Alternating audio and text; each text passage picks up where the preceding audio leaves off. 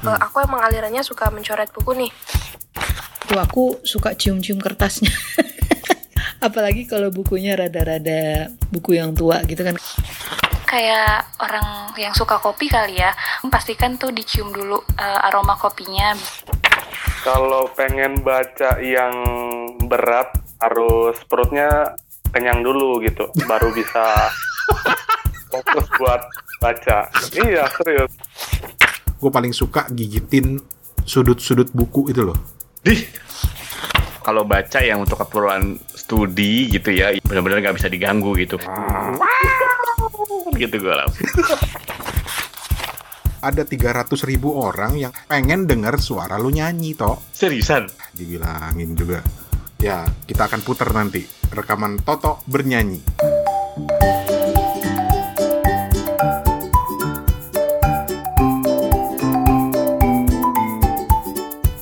Kita ketemu lagi di Kepo Buku, seperti biasa, bareng gua Rane Hafid di Bangkok, yang malam ini belum mandi dari pagi dan eh, lagi rekaman sambil ngopi.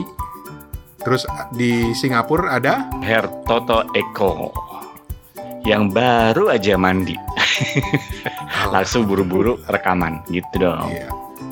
Dan di Ambon Ya ada saya Steven. Hari ini lagi lagi agak flu nih. Agak-agak flu maksudnya gitu sih agak-agak flu. Flu atau enggak? Gak ada agak-agak flu mah. sampai batuk. Dia flu gue yang batuk. Rada-rada ini, rada-rada pilek aja gitu. Rada-rada pilek, pilek atau nggak pilek? Ada nggak ada rada-rada pilek tuh maksudnya apa? Ingusnya di tengah-tengah gitu, mau keluar nggak mau, nggak mau gitu. So, hari ini kita akan eh, ngambil topik yang agak santai tapi Masih berhubungan dengan buku. gitu. Nah, hari ini kita mau coba eh, cerita soal kebiasaan-kebiasaan orang saat membaca buku. Nah, maksudnya aktivitas-aktivitas lain yang kita lakukan pada saat membaca buku gitu kali ya, Ya. yang membuat aktivitas membaca bukunya menjadi lebih eh afdol, eh lebih lebih lebih apa ya, lebih gitu deh. lebih asik gitu ya, lebih, Lebih asik, asik. lebih lama gitu. Kita udah minta pendapat beberapa teman-teman di Instagram. Eh, ada beberapa orang yang sudah mengirimkan, bahkan ada juga yang kemudian eh, gua susul dengan pertanyaan via audio dan dibalas via audio. Wih, keren. Dan juga ada seorang teman baik yang udah tiba-tiba sore-sore WhatsApp gue bilang, Ran, gue mau ikutan. Kalau yang ini nggak boleh ditolak. Kualat lu kalau nolak. iya, cuma Toto yang boleh nolak. Kemarin aja udah bilang, eh nomor WhatsApp lu berapa sih? Oh, Oke, oke, oke. Saya kasih, saya kasih dengan segera. Nggak, nggak berani ya, nggak berani. Gak, ber- gak berani gue tulis pakai ang, pakai huruf gitu delapan empat berani gue. Jadi nanti kita putar juga. Tapi kita Hmm. seneng banget gitu loh, karena banyak yang nanggepin. Karena memang membaca buku itu eh, kadang-kadang perlu ritual tersendiri gitu ya. Betul, betul. Jadi kita mulai aja ya. Dan jangan lupa di episode kali ini kita didukung juga oleh Bantak, produsen pertama ban kotak di dunia yang kini masuk ke Indonesia dengan berbagai variasi produksi ban kotaknya. Lu serius lu? Ini apaan? Kok ban kotak? Ini nggak janji, nggak janjian dulu. Tiba-tiba ini apaan nih? Iklan Ban kotak, serius?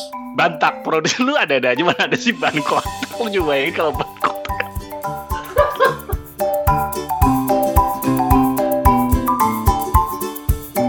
Jadi kita mulai dulu dengan membacakan beberapa eh, komen-komen dari teman-teman di WhatsApp yang mau berbagi cerita tentang kebiasaannya saat membaca. Kita ada beberapa yang masuk ini ada satu dua ada 1756 cuman kita nggak bisa udarain semua. Ya lo scrollnya banyak banget 1700 bentar gue scroll dulu. Lama nih. Fan lu duluan, Fan baca Fan. Mumet pala gue sama Toto. Ya, gua baca dari dua paling bawah ya. At cara underscore RJ. Dia ngulang baca lagi Oh. kalimat yang ngena biar makin ngeresep di hati. Itu yang pertama. Hmm. Yang kedua ada dari Instagramnya Alia Al Rasid. Harus duduk dan nggak di kamar karena pasti ketiduran. Lebih suka di udara terbuka. Nah ini Alia Al Rashid nih berlawanan dengan gue nih. Kenapa? Gue kalau mau bacanya serius, gue tengkurap. Ah, tengkurap. Betah lo bisa berapa lama baca kayak begitu lo tengkurap begitu? Bisa lama. Makanya orang-orang itu dengkulnya yang hitam. kalau gue sikut gue yang hitam. Karena nopang badan. Oh, oke oke oke oke oke. Oke. Nah, ini juga ada at bungsu underscore ratih. Hmm. Katanya kalau dia harus bawa penggaris dan bolpen berwarna, bukunya bakal jadi warna-warni penuh coretan. Wah, iya iya iya. Yang ini juga yang gue bilang Ran, dulu kalau kalau buku-buku luar negeri gitu ya, Hmm. terutama buku-buku textbook, biasanya tuh marginnya gede-gede tuh. Minimal banget tuh 3 cm. Hmm. Kenapa marginnya gede-gede ada gambar? Ternyata memang pas gue belakangan gue tahu, oh ini buat bikin buat bikin catatan di samping Hmm. gitu. Tapi kalau gue cenderung nggak mau nyoret-nyoret buku sih. Kenapa? Sayang. Hmm. Iya iya benar benar benar. Sayang ya. Nah kalau gue punya kebiasaan eh, cenderung untuk bikin catatan kalau gue gitu. Jadi eh, entah di kertas, entah di buku gitu ya. Karena Hmm. Bukan karena sayang sih, karena justru nanti buat referensi ulangnya susah gitu. Gue harus berarti harus bawa bukunya kan, bener nggak sih? Nah, itulah kelebihannya pakai Kindle. Cada promosi. Kalau pakai Kindle, lu highlight otomatis kesimpan di notes. Ah gitu gitu. Jadi bisa di ini ya, bisa di copy gitu ya. Terus Boleh, soal nyatet-nyatet buku nih. Ah, nih Steven pasti tertarik nih Steven nih. Hmm. Mbak Dian Sastro Mbak Dian Sastro kenapa? punya kebiasaan nyoret buku katanya. Dan baru-baru ini sempat viral lah di internet karena dia nunjukin itu loh. Dia punya Quran yang dicoret-coret sih di stabilo, ditulis-tulis gitu loh. Iya, sebenarnya itu eh, nggak tahu ya Steven ya. Tapi kalau Steven lu inget ya kalau lu cari di internet ya, Ven ya bahwa em, ini tuh banyak eh, teman-teman kita, saudara-saudara kita yang umat Nasrani gitu ya di luar negeri itu banyak yang bikin namanya Bible journaling gitu. Eh, Bible journaling itu ya itu nyoret-nyoret Bible. Nyoret dalam artian seharusnya mungkin awalnya adalah mencoret ayat-ayat yang perlu dikasih bawahi gitu. Tapi Hmm. lama-lama digambar-gambar gitu itu banyak banget eh, teman-teman kita yang kayak gitu dan dan ternyata kalau di luar gitu banyak kitab eh, Injil gitu ya kitab Bible yang memang sekali lagi ya marginnya juga dibikin gede Oh, buat ditulis-tulis. marginnya dibikin gede ya. Tujuannya adalah juga untuk bikin referensi kayak gitu-gitu. Nah itu yang kemarin-kemarin gue coba cari kalau di eh, Islam ada nggak ya Quran yang marginnya gede? Kadang-kadang kalau kita baca sesuatu gitu Hmm. ya mungkin kita nyatet sesuatu yang mungkin cross referencing ke tempat lain gitu kan. Bukan nyoret-nyoret ayatnya bukan tapi di sampingnya gitu. Nah itu yang sampai sekarang nggak tahu mungkin teman-teman kalau ada yang tahu gitu ya ada nggak Quran yang marginnya lebih gede yang kita bisa coret-coret di di sampingnya gitu karena Wah. penting juga kalau menurut gua gitu Walaupun tuh bisa jadi kontroversi ya, ada yang bilang Ya. boleh ditulisin, boleh enggak, ada yang bilang perlu, ada yang kayak gue sayang lah dicoret-coret gitu loh. Ah, Kalau misalnya yang kayak gitu kan memang seperti kita lagi dapat ayat yang bagus gitu ya, ayat yang hmm, hmm, hmm. eh, mengetuk hati dan pikiran tuh pasti kita bakal highlight gitu kan. Kita Mm-mm. entah garis bawahin atau paling paling jadul kan pakai stabilo yang warna neon itu ya. Hmm. Sekarang udah berevolusi kan jadi eh, warna pastel highlighter.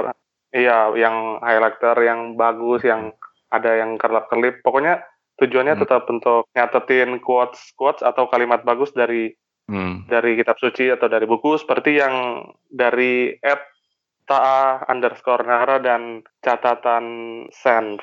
Hmm. Mereka tuh harus ada stabilo buat coret-coret atau pakai pulpen gitu. Eh, Teh Anara juga bilang dia nyatetin quotes-quotes dan kalimat bagus dari buku. Oke. Dan sekarang banyak orang juga pakai ini kalau gue lihat apa pakai yang namanya post note ya, eh apa post-it ya. Post-it. Ah.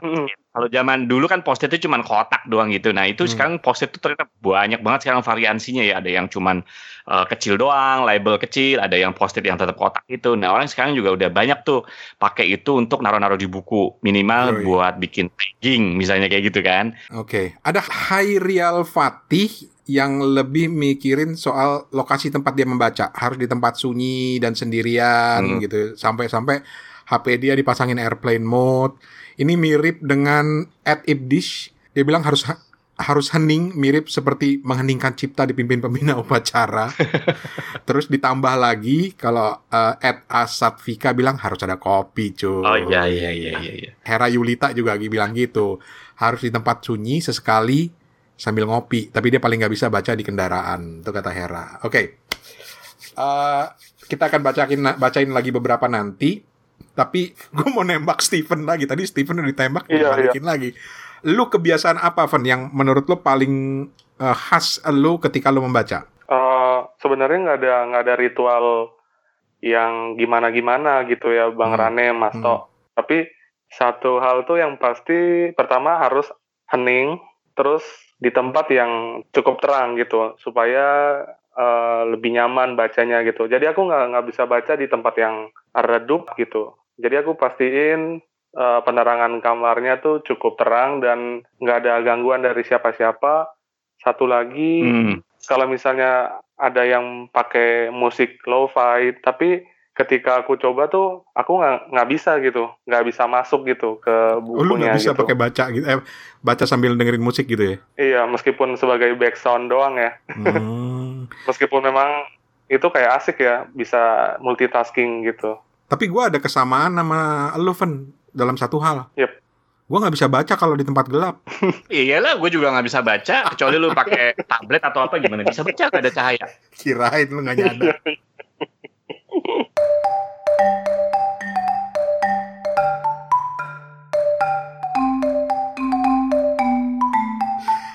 Nah, ngomong-ngomong soal musik lo-fi nih, ini menarik nih. Ada, sebentar, gue cari siapa ya, siapa ya. Namanya underscore Rara Zahra. Rara Zahra. Dia itu punya kebiasaan mencoret, mendengar lagu, dan menyepi. Terus akhirnya gue susulin, susulin dengan dengan uh, pertanyaan nih. Dia nyoret-nyoret Hmm. apa gitu loh. Sayang nggak sih bukunya? Karena gue otomatis, aduh sayang banget tuh buku dicoret-coret gitu loh. Terus Hmm. eh, Rara jawabannya gini nih, kita dengerin ya. Eh, aku emang alirannya suka mencoret buku nih. Karena itu asik banget gitu, baik buku fiksi maupun non fiksi gitu. Untuk buku fiksi biasanya aku mencoret quotes-quotes dari suatu tokoh karena itu memang eh, menarik itu buat eh, motivasi-motivasi hidup. Sedangkan buku-buku non fiksi biasanya aku mencoret sesuatu hal yang memang menurutku itu penting untuk diingat. Misalnya kita lupa nih, kita bisa buka lagi itu buku untuk mengingat eh, dari keyword-keyword untuk menjelaskan suatu paragraf itu tadi. Atau kita bisa mencatat tuh pertanyaan di samping buku itu tadi untuk ditanyakan kepada teman yang emang setema dengan bacaan kita. Hmm. Ataupun buku yang memang sedang dibaca sama dengan kita. Gitu. Itu kebiasaan nyoret. Terus soal musik. Nah, ini tadi Steven sempat nyinggung soal lo-fi. Ini jawabannya si uh, uh, Rara dia bilang begini nih. uh, karena gue nanya kan musik apa sih yang lo dengerin sambil dengerin uh, sambil baca buku? Hmm. Aku biasanya suka play musik tentang lofi sih, eh, low fidelity gitu, musik-musik instrumen yang memang dia masih kualitasnya rendah. Dan itu memang lagi tren juga, banyak orang yang menggunakan musik lofi itu sebagai teman ketika baca buku. Dan itu menenangkan buat orang-orang yang lagi baca buku. Gitu. Lu ada yang pernah denger musik lofi gak sih? Tahu tahu, ada tuh di ininya Spotify. Maksudnya apaan? Gimana ya jelasannya ya? Jadi eh, musik eh, beat tapi cuma instrumen doang gitu. Musik Umumnya beat. instrumen Oh. doang. Ah, Misalnya kayak gini nih, kayak gini gitu. Oh nggak kedengeran juga ya, gue play ya. Kedengeran tuh? kedengeran. Ini lebih lo-fi lagi jadinya nih. Karena lo-fi itu sebetulnya kualitasnya Hmm. itu low, rendah. Ada cracklingnya, ada suara crackling, ada background noise-nya, ada distorsinya gitu loh. Nah, Hmm, hmm, hmm, hmm, Tren lo-fi ini lebih banyak dipakai orang buat mendengarkan untuk bisa membantu fokus gitu. Gua nggak tahu gimana ceritanya, tapi konon kabarnya itu karena eh, otak itu langsung disetel atau ke- Hmm. Langsung merasa mendengarkan sesuatu yang berbeda gitu. Nah, bayangin lo-fi itu gini aja. Hmm. Lu bayangin eh, dengerin radio zaman dulu gitu yang kresek-kresek gitu tuh. Hmm, oke oke. Lu sendiri bisa nggak? eh kalau Steven kan nggak bisa tuh sambil baca. Eh sambil de- Mm-mm. dengerin musik, lu bisa nggak tuh? Jadi kalau gue pada saat gue baca yang sifatnya gue justru membaca serius, yang di mana gue ada selain membaca tapi ada juga aktivitas fisikalnya kayak nulis gitu ya. Hmm. Itu gue pakai musik gak masalah. Musik itu jadi sesuatu yang nggak uh, kedengeran buat gue gitu. Hmm. Tapi kalau gue buat baca-baca kayak misalnya sastra, sekali lagi sastra gitu, atau cerita lah, jangan, jangan cerita atau apa Hmm, gitu, baca hmm. yang santai. Gue justru nggak bisa ada musik karena menurut gue justru nggak mengganggu. Oh. Tapi kalau gue sunyi senyap juga gue nggak bisa gitu. Hmm. Sunyi ya, sunyi senyap itu gak, nggak bisa. Jadi apalagi kalau dulu rumah gue dicondet ya, kayaknya gue merasa di belakang gue ada yang eh, nyolek-nyolek gitu. Seriusan. Udah, jangan ngomongin kayak gitu dah. Takut gue. Jadi dulu ketika gue suka Ya, ya, ya. baca dan belajar malam-malam, zaman dulu tuh Ya. Uh, ketika gue misalnya kebangun gitu jam 2 pagi, jam 3 pagi buat baca gitu ya. Itu tahu nggak zaman segitu gue tuh dengerin RRI karena satu-satunya RRI yang programan nasional siaran 24 jam. Jarang waktu itu di tahun-tahun gue SMA waktu itu atau kuliah yang ada siaran radio swasta 24 jam. Biasanya mereka akan berakhir 12 malam kan. Satu-satunya atau mungkin hanya sedikit yang siaran dan itu salah satunya adalah RRI programan nasional. Dan biasanya lagunya enak-enak.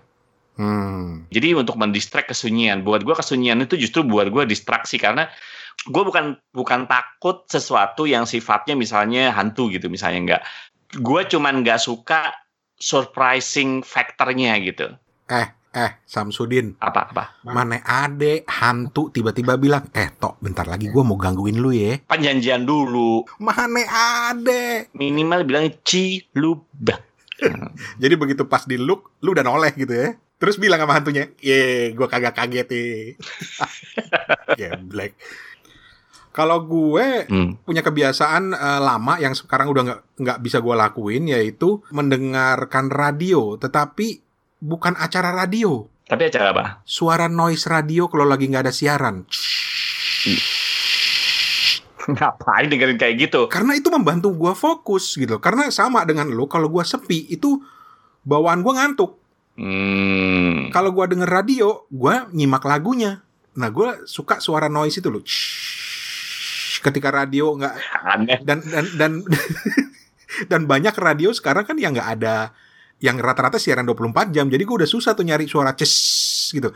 Karena gelombang kosong dengan gelombang radio yang nggak ada siarannya beda suaranya. Ah, ah, betul betul Iya betul betul. gitu. Kalau menurut gue. Zaman sekarang jarang gitu. Ah, Jarang. jarang. Bahkan mungkin banyak radio yang saya udah digital gitu ya. Jadi Digital. apa namanya eh mungkin ya malah udah di udah di suppress gitu ya suara suara smoothnya tuh kalau orang dulu bilang Hmm. Suara semut, bener. Lo lo mau nggak kerja ada lowongan nih di radio ngapain ngisi, ngisi suara semut dari jam 12 sampai jam 5 pagi dulu zaman banget basi banget Iya. Jadi dari jam 12 karena teman-teman ya ini Steven juga eh Steven mungkin masih ngalamin ya. Radio di zaman dulu itu kalau udah jam 12 udah gak ada siaran. betul Dan ketika jam 12 udah tutup siaran, kita tuh merasa sepi gitu loh. Ah, ah. Akibatnya apa? Bodoh amat deh, kagak ada siaran yang penting ada suara ces. Betul. Gitu. Makanya dulu salah satunya yang suka gue dengerin ya RRI, Radio Republik Indonesia yang memang siaran program nasionalnya itu 24 jam gitu. Hmm. Gitu. Mm, dan lagunya enak-enak biasanya jam segitu. Kalau lu kenapa sih, Van? Lu malah bisa di tempat sepi kalau baca ya? Iya iya karena karena ini eh, yang pertama pengen lebih menikmati bacaannya, Hmm. Mm. yang kedua tuh malah fokusnya kayak gitu. Hmm. Terus terus yang eh, kita obrolin sampai sejauh ini tuh aku jadi kayak terkejut-kejut gitu. Banyak banget kebiasaan-kebiasaan yang di luar dugaan aku sebenarnya gitu. Tapi aku pengen balik lagi ke masalah musik. Hmm. Di Twitter tuh pernah aku nemuin playlist membaca gitu. Jadi ada orang yang bikin khusus di Spotify untuk playlist dia membaca buku gitu. Jadi yang aku lihat tuh eh, salah satunya tuh, tuh kayak musik-musik instrumen Beethoven, terus Hmm. musik-musik klasik lah gitu. Dan menurut aku eh, kalau memang seseorang punya kebiasaan sampai segitunya eh, harus bikin susunin playlist dulu mungkin untuk minggu ini, untuk Hmm. bulan depan gitu. Wah keren banget ya. Ribet. Ya itu juga sih. gue nemuin eh, ketertarikan sama lo-fi itu karena ya ini makasih ya buat Rara yang udah sharing informasi tentang musik lo-fi karena gue menemukan ada kesamaan dengan radio karena lo-fi itu kan musik yang kualitasnya rendah memang dibuat berkualitas rendah gitu loh. Mm.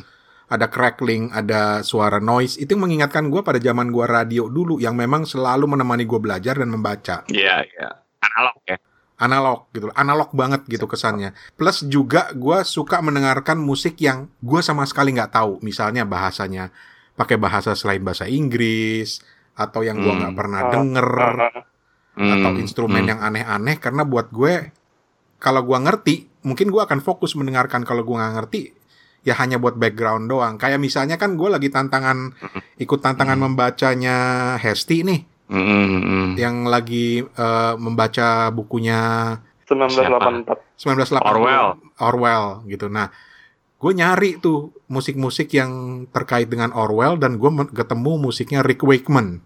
Dia ada album judulnya 1984. Gue nggak pernah denger sama sekali. Akhirnya itu yang menemani gue untuk membaca eh, Orwell 1984 gitu. Ntar itu cerita lain lah. Ah, ah, oke oke oke. Tapi sekarang eh, ada Mega SR, at Mega SR. Eh, f- dia bilang apa? Untuk buku teks bahasa asing, dia baca selayaknya sedang storytelling. Untuk Hmm. buku bahasa Indonesia, kebiasaannya pindah posisi membaca dari duduk sampai rebahan, lalu kupingnya mendadak budek karena terlalu fokus baca buku. Dipanggil nggak dengar, dicolek baru kerasa gitu. Ini satu lagi kebiasaan unik membaca, yaitu membaca dengan dibacakan keras gitu loh. Oh, Nah, gue tertarik dong, langsung gue tanya sama Mega, kenapa sih kalau dia membaca tuh harus dibaca kayak storytelling gitu loh? hmm. Terus jawabannya si Mega nih kayak gini nih. karena aku anak eh, visual sama audio. Jadi kalau men belajar sesuatu yang baru, terutama bahasa asing, aku prefernya yaitu tadi lihat tulisan sama dibaca. Jadi agar lebih mudah untuk memahami isi bukunya kayak gitu. Udah sih gitu aja. Itu Mega. Nah, ini mirip dengan Nasta. Nasta ini juga punya Nasta Nasta Sahari. Nasta Sari. Iya, dia punya kebiasaan eh, bacanya kenceng-kenceng juga. Eh, minimal bisik-bisik lah gitu loh. Nah, gue tanya dong, alasannya kenapa? Dia jawabnya gini nih. Kenapanya sejujurnya aku nggak tahu. Mungkin karena emang bisa lebih fokus kali ya. Soalnya kalau misalnya aku baca dalam hati, aku biasanya kan kalau aduh lagi canggung banget nih, aku bacanya tuh dalam hati. Cuma itu tuh Hmm. lebih nggak bisa fokus, udah gitu lebih cepet ngantuk biasanya. Nah terus kalau dipikir-pikir nih, emang dari kecil aku itu terbiasa ngafal, belajar itu memang pakai suara atau sambil nulis. Jadi karena baca nggak bisa sambil nulis, biasanya sih pakai suara. Asik ya? Terus Hmm. spontan gue nanya, lu nggak malu ya? Apalagi kalau di tempat publik lu lagi baca buku terus lu baca kenceng-kenceng gitu loh. Dan ternyata Nasta punya pengalaman kayak gitu. Paling sering itu kalau aku lagi di kereta atau lagi di bus, aku baca terus tanpa sadar aja nih, tadinya mah bisik-bisik, terus tanpa sadar aku malah suaranya volumenya jadi kenceng gitu. Itu agak malu sih sebenarnya, pasti udah pasti banget diliatin sama orang. Cuma ya udahlah aku cuma bisa cengar-cengir doang mau gimana lagi gitu ya. Ada yang bisa paham nggak sih orang yang membaca buku dengan dibacakan keras-keras kayak Nasta sama Mega? itu menurut aku kayak dia lagi sedang didiktekan gitu ya didikte jadi eh, lebih lebih bisa apa ya lebih bisa menerima bacaan itu lewat audio gitu.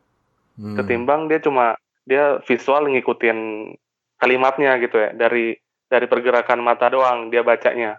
Kan membaca tuh lebih ada yang bisa visual dia menyisir kalimatnya tuh pakai pergerakan mata. Nah ini mungkin dia bisa membacanya lewat audio gitu kira-kira gitu ya. Hmm, jadi ada, dia ada unsur suaranya lah ya. Mhm. Tapi yang menarik dari Nasta tadi karena dia bilang dia udah kebiasaan karena kecil itu dulu menghafalnya dengan cara itu dan gue juga dulu menghafal gitu. Hmm. Satu kali satu sama dengan satu, dua kali dua sama dengan empat, empat kali empat sama dengan enam belas gitu loh. Jadi kebiasaan untuk Kagak. menghafal. Kagak.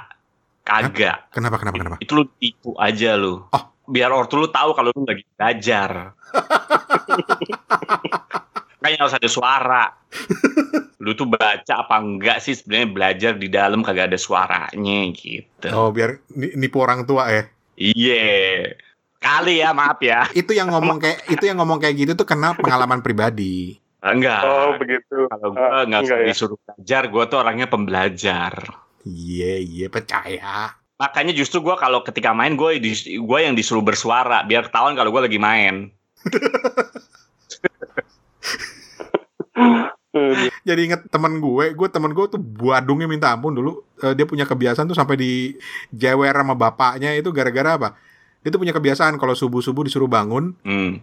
eh, untuk sholat, dia tetap di tempat tidur tapi dia sambil baca Bismillahirrahmanirrahim, Alhamdulillah. Seolah-olah dia, jadi orang tuanya di luar denger Alhamdulillah anak gue lagi sholat, padahal dia lagi di tempat tidur. Oh, jadi temen lu Badung. Kalau gue dulu bukan dibilang Badung kalau gue. Hmm. Dibilang cerewet aja gitu suka ngobrol. Sampai akhirnya gue dipindahin sama teman-teman yang gue suka ngobrol. Dipindahin sama anak yang pemalu. Hmm. Seminggu kemudian orang tua gue dipanggil. Bu ini anak ibu tuh memang benar-benar keterlaluan nih. Saya pindahin ke anak pemalu. Sekarang yang anak pemalu itu rajin ngobrol juga sekarang.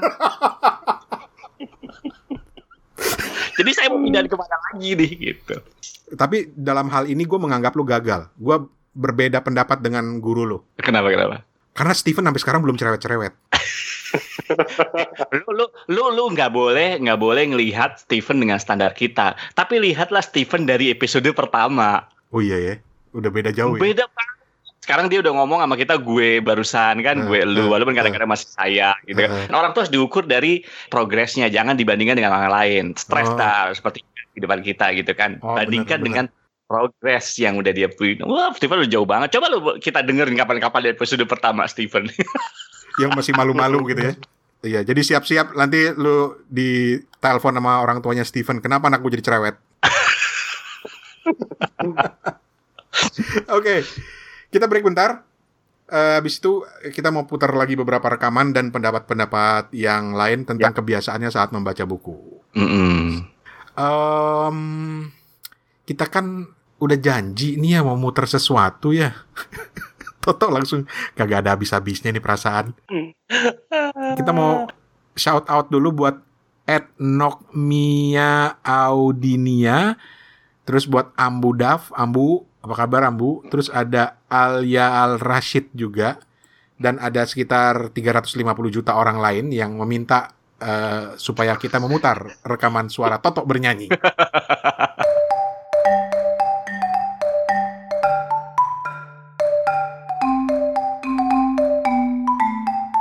Oke, kita kembali di Kepo Buku. Kita masih ngobrolin soal kebiasaan-kebiasaan unik orang saat membaca buku. Hmm. Dan ini waktunya kita memutar voice memo dari seorang teman. Tuh teman siapa lu? Ngaku-ngaku lu. Kalau gue sih ngakunya gini, gue ngefans banget sama seseorang ini gitu, Hmm. sama figur yang satu ini, itu aja kalau gue bilang. Oh gitu Ngefans ya, banget. ya, ya. Bang. Hmm, Kalau Steven lu nyebutnya apa, Van? Eh, penulis favorit. Aman dia, nyari aman dia curang. jadi aman. Dan sosok yang satu ini sempat nanya, itu Toto ngapain sih jenggotan kayak gitu? Gue bilang, itu Toto karena dia ini aliran penyembah pohon itu memang je- jenggotannya kayak gitu. Lelade sakit hati tuh katanya. Bertahun-tahun jenggotan gak pernah ditanyain. Gue yang dari lahir jenggotan. Kagak ditanyain, giliran lu toh jenggotan dikit aja ditanyain. ya udah, kita dengerin ya rekamannya ya dan gue sih bangga menyebut teman karena dalam beberapa waktu terakhir ini emang jadi teman kita, teman baik kita yang suka dengerin podcastnya, beliau suka dengerin podcast kita dan waduh seneng banget. Mhm. Kita dengerin ya. Halo, ini Leila Hudori. Aku juga banyak cerita nih kalau kebiasaan membaca. Karena kebiasaanku gak istimewa sih, cuman eh, kayak ritual. Pertama, aku pasti cari tempat yang agak jauh dari mana-mana. Kalau misalnya dulu sebelum pandemi, kan aku bawa buku di dalam tas, itu pasti aku nggak mau deket banyak orang gitu karena selalu diganggu. Jadi aku kesel gitu kalau lagi baca terus masih aja ada yang ngajak ngobrol gitu ya. Jadi aku cari tempat yang eh, sesepi mungkin gitu. Terus kedua, nah itu kayaknya banyak juga pembaca lain yang melakukan itu. Aku suka cium-cium kertasnya. Eh, apalagi kalau bukunya rada-rada buku yang tua gitu kan kadang-kadang saya suka dapat buku bekas gitu malah seneng karena ada bau-bau kertas yang udah lama gitu ya. Terus yang ketiga, nah ini yang dari dulu dari saya kecil sampai sekarang saya lakukan, saya pasti coret-coret buku. Makanya saya nggak suka meminjamkan buku saya karena udah ada catatan-catatan gitu loh pendapat saya. Eh sekarang saya memang mencatatnya di atas post-it gitu. Post-itnya saya tempel uh, di atas halaman yang saya mau tandain. Jadi sekarang nggak di atas halamannya lagi. Tapi dulu saya biasanya nyatetnya di pinggir-pinggir gitu. Uh, terutama ketika kuliah itu pasti ketahuan banget kalau itu buku saya karena uh, penuh catatan gitu. Tuh, ya udah itu aja sih kebiasaan saya. Oh, satu lagi. Saya biasanya harus menyiapkan teh uh, dan snack. Makanya nggak pernah bisa kurus. Gitu aja. Bye. Bye. Situ dia Mbak Lela Hudori. Ada satu hal yang gue langsung ledekin Mbak Lela begitu dia ngirim Apa tuh? voice memo ini. Ah, Yang poin pertama tadi, dia paling nggak suka diganggu gitu ya kalau lagi deng- baca buku. Gue bilang ya wajar kali lagi baca buku di tempat publik, terus orang ngelihat eh Mbak Lela ajak ngobrol ah, iya gak sih?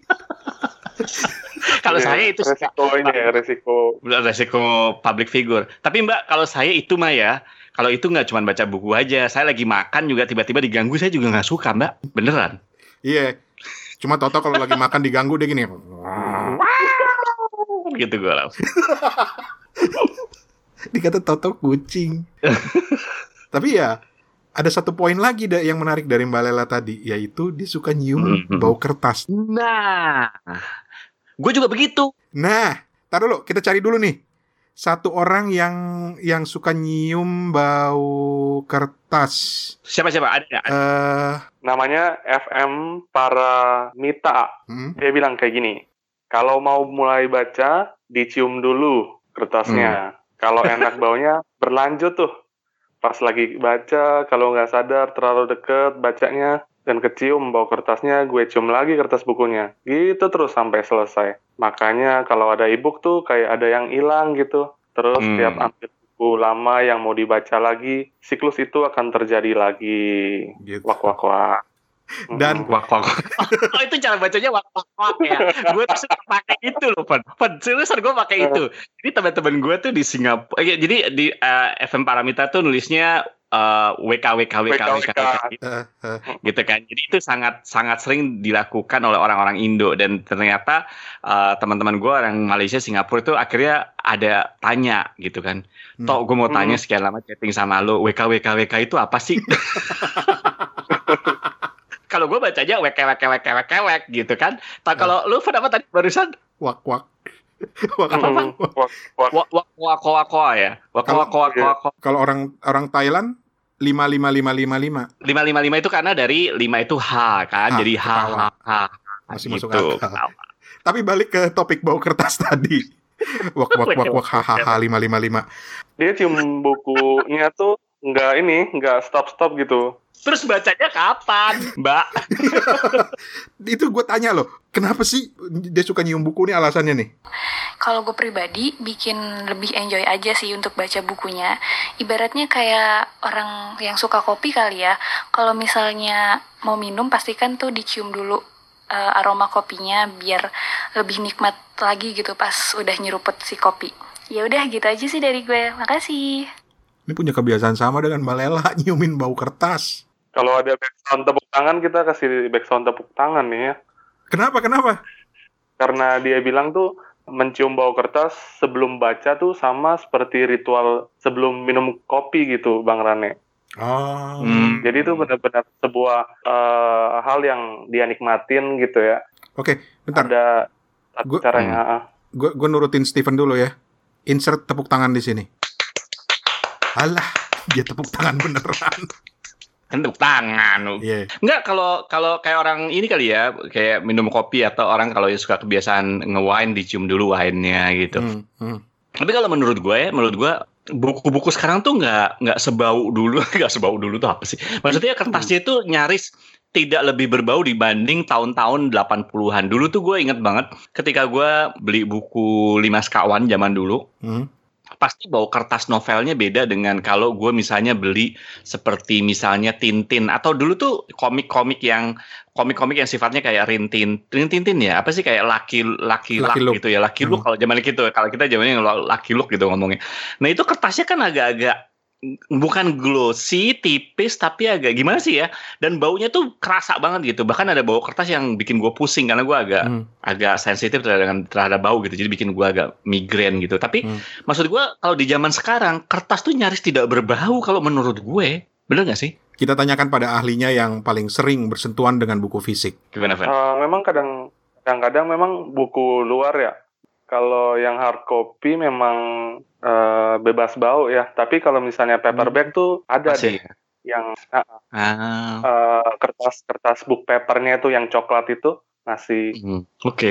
Kalau gue masih ngalamin itu zaman-zaman eh, penerbit eh, Balai Pustaka, Pradnya Paramita Hmm. itu ya. Mm-mm. Itu buku-buku zaman dulu, buku-buku Winnetou, kepala suku Apache itu, itu baunya khas. Makanya gue bilang di tahun-tahun segitu ya. Tapi kalau sekarang gue gak yakin kalau mereka juga masih dalam tanda kutip berbau gitu. Mungkin karena teknologinya udah lebih bagus kali ya. Mungkin. Karena sebetulnya kan bau itu kan dari bau zat kimia atau tintanya gitu loh. Hmm, bisa jadi sih, bisa jadi. Gue merasa menduga itu karena lu inget nggak sih zaman kita sekolah dulu, toh Mm-mm. Mm-mm. eh, ulangannya itu pakai kertas stensil. Eh, Iya, dan kertas stensil itu baunya khas banget. Yes, baunya khas banget. Jadi gue duga adalah bau tintanya. Eh, nyampur dengan bau kertasnya gitu. Bisa jadi. Tapi juga ada ada buku-buku gua nggak tahu ya. Lu pernah ngalamin nggak eh, Toto sama Steven? Gue itu dulu Hmm. pernah nemu beberapa buku bajakan yang baunya itu khas tapi tajam, nggak enak banget. Mirip-mirip bau minyak tanah. Oh, enggak tuh gue nggak pernah. Itu itu nggak enak banget baunya, nggak enak banget. Jadi kadang-kadang kalau mau baca tuh gua angin-anginin dulu bukunya gitu loh. Ya salah ju gua juga sih beli buku bajakan. Lo hari gitu beli buku jambakan. Inget banget gue dulu di Palasari Bandung tuh gue sering buku tuh. even buku baru gitu ya. Hmm. Yang kalau kita buka terus bau bukunya tuh punya kertas yang nyengat banget tuh tetap kita angin-anginin dulu. Hmm. Nggak enak banget buat kita baca gitu. Iya kan? Iya kan? Mm, mm, mm. Karena nyengat gitu loh. Dan gue dulu pernah beli buku apa gue lupa gitu ya. Eh maklum masih berstatus pelajar, tapi gue pengen banget ngadiain buku ini kepada seseorang dalam tanda kutip gitu lah ya. Mm, mm, mm. Baunya tajam, jadi gue kasih minyak wangi dong. Bukannya malah tambah tajam baunya. itu dia, itu dia. gue kasih minyak wangi, baunya tambah tajam. Akhirnya terpaksa gue beli bukunya lagi yang lain. Hmm. Maksudnya biar merasa bahwa wah dia mencium buku ini mencium kayak mencium gue gitu loh. Alah, jidat Lalah, cuy.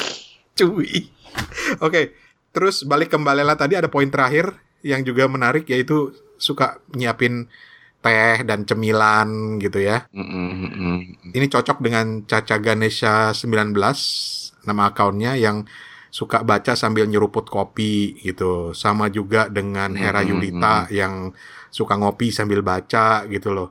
Eh, Satvika juga harus ada kopi. Ih, kenapa jadi temanya kopi ya? Gue malah nggak bisa lo minum atau makan sambil baca. Kenapa kopi? Kenapa nggak soda gembira misalnya gitu? Iya. Kenapa nggak bubble tea? Apalagi buat para kutu buku terus makan minum bubble tea gitu. Kalau nggak gendut-gendut lu. Yang ngomong gendut. Oh jadi lu suka bubble tea? Logika lu parah toh. Terus terus terus terus terus. Kalau lu gimana? Lu suka apaan? ngopi atau minum atau makan Lu tahu gue. sambil baca? Kayaknya gue nggak punya kebiasaan khusus. Maksudnya gue nggak punya ritual khusus gitu ya. Kalau ada kopi-kopi, kalau ada ada teh ya teh gitu maksudnya. Tapi gue paling nggak suka ketika buku itu misalnya ketika gue ngemil gorengan terus tiba-tiba kena minyak tuh gue juga nggak suka Nah. gitu. Kalau ma- saya baca sambil makan tuh gue mungkin nggak suka karena gue sering diomelin emak gue dulu. Dibeliin, dipesenin mahal-mahal dari balai pustaka. Kena minyak. Kena minyak. Ter nyokap gue nih, "Ih, itu, tutup dulu bukunya.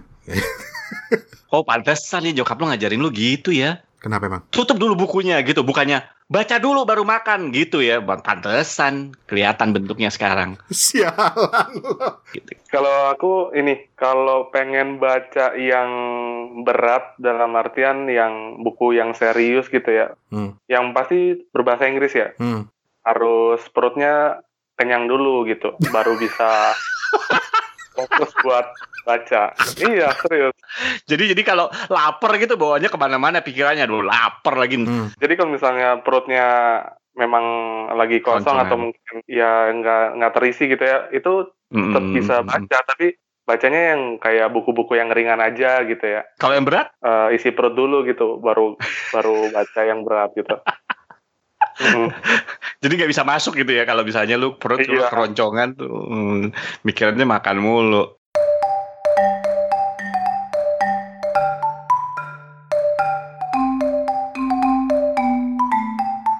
Terus eh, ada cara underscore RJ.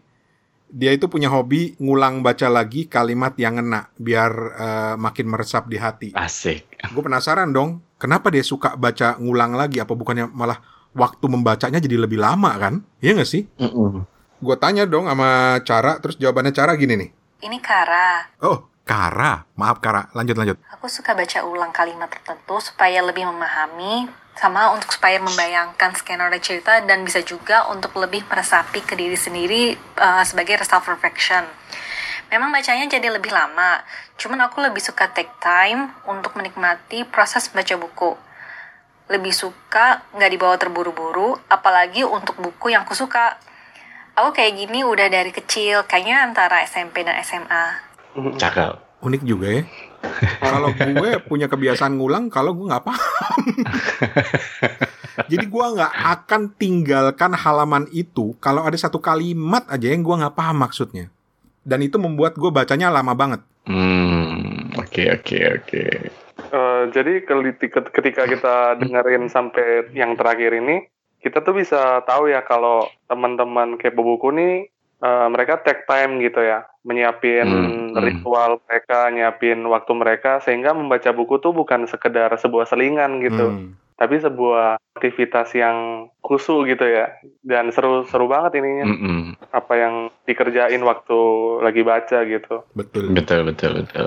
Terus kita habisin dulu ya eh, yang lain ya, eh, yang udah ngirim. Mhm. Ada R Agustia Distriani. Oke. lebih suka baca outdoor ketimbang indoor. Jadi dia suka baca tuh kayak di kafe atau di perpus gitu. Hmm. Terus Nina Sugandi ini mengingatkan pada gue ini. Kenapa gitu? Suka baca sambil tiduran, terus ketiduran, kebangun, baca lagi, ketiduran lagi, gitu terus. ini gue banget nih. Bisa ya gitu. ya? Seru juga ya. Ternyata masing-masing orang banyak punya kebiasaan masing-masing ya. Betul. Dan kalau gue menemukan kebiasaan baru nih saat membaca, ini terutama setelah ngobrol dengan Mas Sigit. Jadi tamu-tamu kita di Kepo Buku ini banyak ngasih pelajaran penting gitu loh. Eh, Mas Sigit kan cerita tentang kelap membacanya yang serius membaca sampai per halaman ditelaah gitu ya. Hmm. Oh ya, ada satu lagi nih teman pendengar yang gue lagi-lagi minta maaf banget ya, kehapus. Tapi gue masih inget komennya. Minta maaf banget nih yang yang yang nggak disebut namanya di sini karena kehapus. Please om- omelin gue, balas ke Instagram, omelin gue, terus ingetin lagi gue, lu komen apa nanti kita bacain di episode kepo buku berikutnya ya. Tapi ini ada satu pengirim yang gue inget banget kom- eh, komentarnya gini dia itu kalau menemukan kalimat-kalimat yang bagus atau eh, baru tahu makna kalimat ini, dia akan mengumpat. Hmm. Oh, gitu. Ngerti gak sih? Mengumpat karena seneng gitu. Jadi Iya iya. Ah. kampret. Gini ternyata artinya gitu loh. Atau kalau kalau ikut gayanya Mas Sigit Susanto yang di Swiss tuh dia akan bilang ini bacindul, Bacindul. bacindul. gitu. Kalau kalau dia seneng banget kalau lagi cerita Kafka gitu kan ya, menemukan sesuatu yang menarik dari Kafka dia akan bilang, "Yuh, bacindul banget ini." Gitu. Saking ininya, saking saking apa ya? Menemukan sesuatu gitu ya. Ah. Menemukan sesuatu. Yang pengen aku tanyain ke Bang Rani sama Mas Toto sebenarnya sih karena Wih. Mas Toto sama Bang Rani masih belum belum mau mengungkapkan kebiasaan apalagi gitu yang mungkin belum kita semua ketahui gitu. Toto, toto, toto. Gue mungkin kalau kalau baca yang untuk keperluan studi gitu ya, ya gue harus uh, mungkin uh, benar-benar nggak bisa diganggu gitu. Tapi mungkin ada beberapa kebiasaan yang yang dulu mungkin kalau baca harus jejak gitu ya, harus jejak di satu tempat atau harus harus berada di satu tempat gitu. Uh, tapi sekarang mungkin nggak lebih berada di mana-mana gitu kan. Apakah gue bisa baca di kendaraan? Sekarang udah bisa gitu. Ya, tapi mungkin uh, mungkin kebiasaan itu kebentuk karena suka traveling kali ya, jadi bisa baca di mana-mana gitu. Jadi gitu. lu nggak kayak nggak kayak Hera ya yang nggak bisa baca di kendaraan ya? Enggak, enggak. Kalau kebiasaan lain dari gue ya kayak gue cerita di Instagram itu waktu kecil ini kebiasaan yang sangat memalukan yaitu gue paling suka gigitin sudut-sudut buku itu loh. Dih, kok bisa sih? Sebabnya nih, sebabnya apa nih? Pertama mungkin karena baunya. Kedua, Mm-mm. gue tuh dulu punya hobi gigit kuku dan gue selalu ditegur kalau gigit kuku. Lu kayak orang ini, kayak orang yang eh misalnya kalau nervous gitu apa gugup gitu jadi gigit. Eh, Orang gigit kuku tuh bukan belum tentu karena nervous tapi juga karena kebiasaan. Oh karena kebiasaan, bukan ngemut jempol. Ngemut jempol lo pikir gue bayi ngemut jempol. Eh, ada orang sampai ini busu, b- tapi lu kuku yang kuku lu apa yang lu gigit itu kuku tangan kan bukan kuku kaki kan? Sebenarnya kalau bisa kuku kaki bisa tapi keganjel perut toh. Puas dia. Puas lu puas gitu. Nah, karena itu mungkin gue beralihnya ke buku karena gue dulu gue tuh dikelilingin buku. Gue merasa bersyukur masa kecil gue itu penuh dengan buku dan bokap gue tuh paling sering masih nyimpan buku-buku masa kecil gue dan kalau gue mudik gue suka ngeliat tuh di di perpustakaan dia di kamar dia itu gue suka ketawa sendiri kalau ngeliat buku itu sudut-sudut atas sama bawahnya itu udah bopak-bopak gitu udah somplak-somplak itu karena gue gigitin jadi tuh kebiasaan jelek yang sisa, sisa ludah gitu ya. iya Hancur lo. Gitu. Ya begitulah kebiasaan membaca buku masing-masing orang. Mudah-mudahan ini cukup memuaskan rasa kepo dan kalau ada yang punya komentar lain silahkan. Ada satu hal yang kenyataan yang belum disentuh walaupun uh, udah ada beberapa orang teman gue paling nggak yang ngaku bahwa dia sering baca buku di toilet sampai-sampai gue punya temen yang bahkan memasang rak buku di dalam toiletnya dia toilet kering ya bukan toilet basah ya Eh Mbak Lela juga pernah kayaknya cerita ya Mbak Lela ya? Iya. itu boleh, Iya, boleh, iya. boleh- dibuka nggak waktu itu? Udah kok, udah pernah kita puter kok. Udah ya, pernah ya. Iya kan Van? Ingat gak lo Van? Iya, iya. Waktu kita lagi nanyain lagi baca buku apa. Dan dia menyimpan satu buku di toilet. ya wes, terima kasih banyak buat yang udah ngirim, yang untuk par- yang sudah berpartisipasi. Em, Hmm. Kita kan udah janji nih ya mau muter sesuatu ya. Jadi sesuai dengan permintaan, kami akan tinggalkan teman-teman dengan suara Toto sedang bernyanyi. Tolong Tok diceritakan kembali Tok konteks kenapa lu tiba-tiba kita muter suara lu lagi nyanyi Tok. Jadi begini, jadi begini. Gimana Ran dulu Ran? Lupa gua. Ya elah dia lupa. Gini, gini. Oke, gue ingetin ya. Jadi begini. Van, gimana Van waktu itu Van? Wah, elah, sekarang udah simulat banget. Jadi dulu kita itu sebelum bikin podcast, gua ketemu sama Rani itu saat kita siaran bareng Hmm, di sebuah radio, radio online. radio online. Terus eh, nama radionya Radio Komunitas Twitter Indonesia. Itu punyanya Kang Indra. RKTI oke. RKTI oke, Tadadeng, gitu. Dulu jinglenya gitu. Nah terus, nah terus eh, kita masing-masing isi acara. Gue dulu suka ngisi acara yang namanya apa ya? Hmm, apa dulu? Nah pokoknya gitu deh lupa gue pokoknya lagu-lagu zaman dulu gitu. Iya ya lupa gue. Nah terus Rani dulu suka bikin acara namanya kerokan kan ya Rani ya. Nah Hmm. terus salah satu segmen acaranya itu adalah ada rokulele karena Bang Rani ini suka bikin eh suka nyanyi dengan ukulelenya saat itu gitu buat Hmm. karaokean gitu.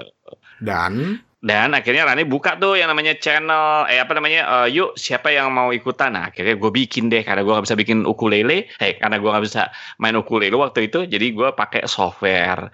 Hasilnya masih disimpan sampai sekarang. Itu menandakan Rani ngefans sama gue, karena masih disimpan. Itu tuh, Dih. radio itu udah 7-9 tahun yang lalu itu. apa kata lu Tok? Apa lo kata dah? Eh, sementara itu kita terima kasih banyak buat yang berpartisipasi. Kita ketemu lagi di Te- Kep- Kepo Buku episode berikutnya yang akan kembali mereview beberapa buku termasuk bukunya Toto dan juga eh, bukunya kiriman seorang teman ada Yulia yang juga ngirim. Itu di episode berikutnya. Tapi kita akan tinggalkan teman-teman dengan sebuah lagu berikut ini. Jadi silakan, Bung Steven, tolong di diantarkan. Harus pakai gaya itu dong, MC dong toh. Lu kan waktu itu waktu peluncuran kepobuku.com, lu MC kan? Iya. Lu ngerjain, lu ngerjain Steven, lu bener-bener. Lo, lo, lo biar latihan, latihan. Ya, ya, ya, ya. Iya iya iya iya. Jadi pendengar kepo buku kita dengerin eh, memori-memori masa lalu dari Mas Toto. Mari kita dengarkan. Memori. Thank you Toto, thank you Steven. Thank you. Ya. Terima kasih. When the night has come and the land is dark and the moon is the only light we'll see. No, I won't be afraid. Oh, I won't be afraid. Just as long as you stand, stand by me. So, darling, darling, stand by me.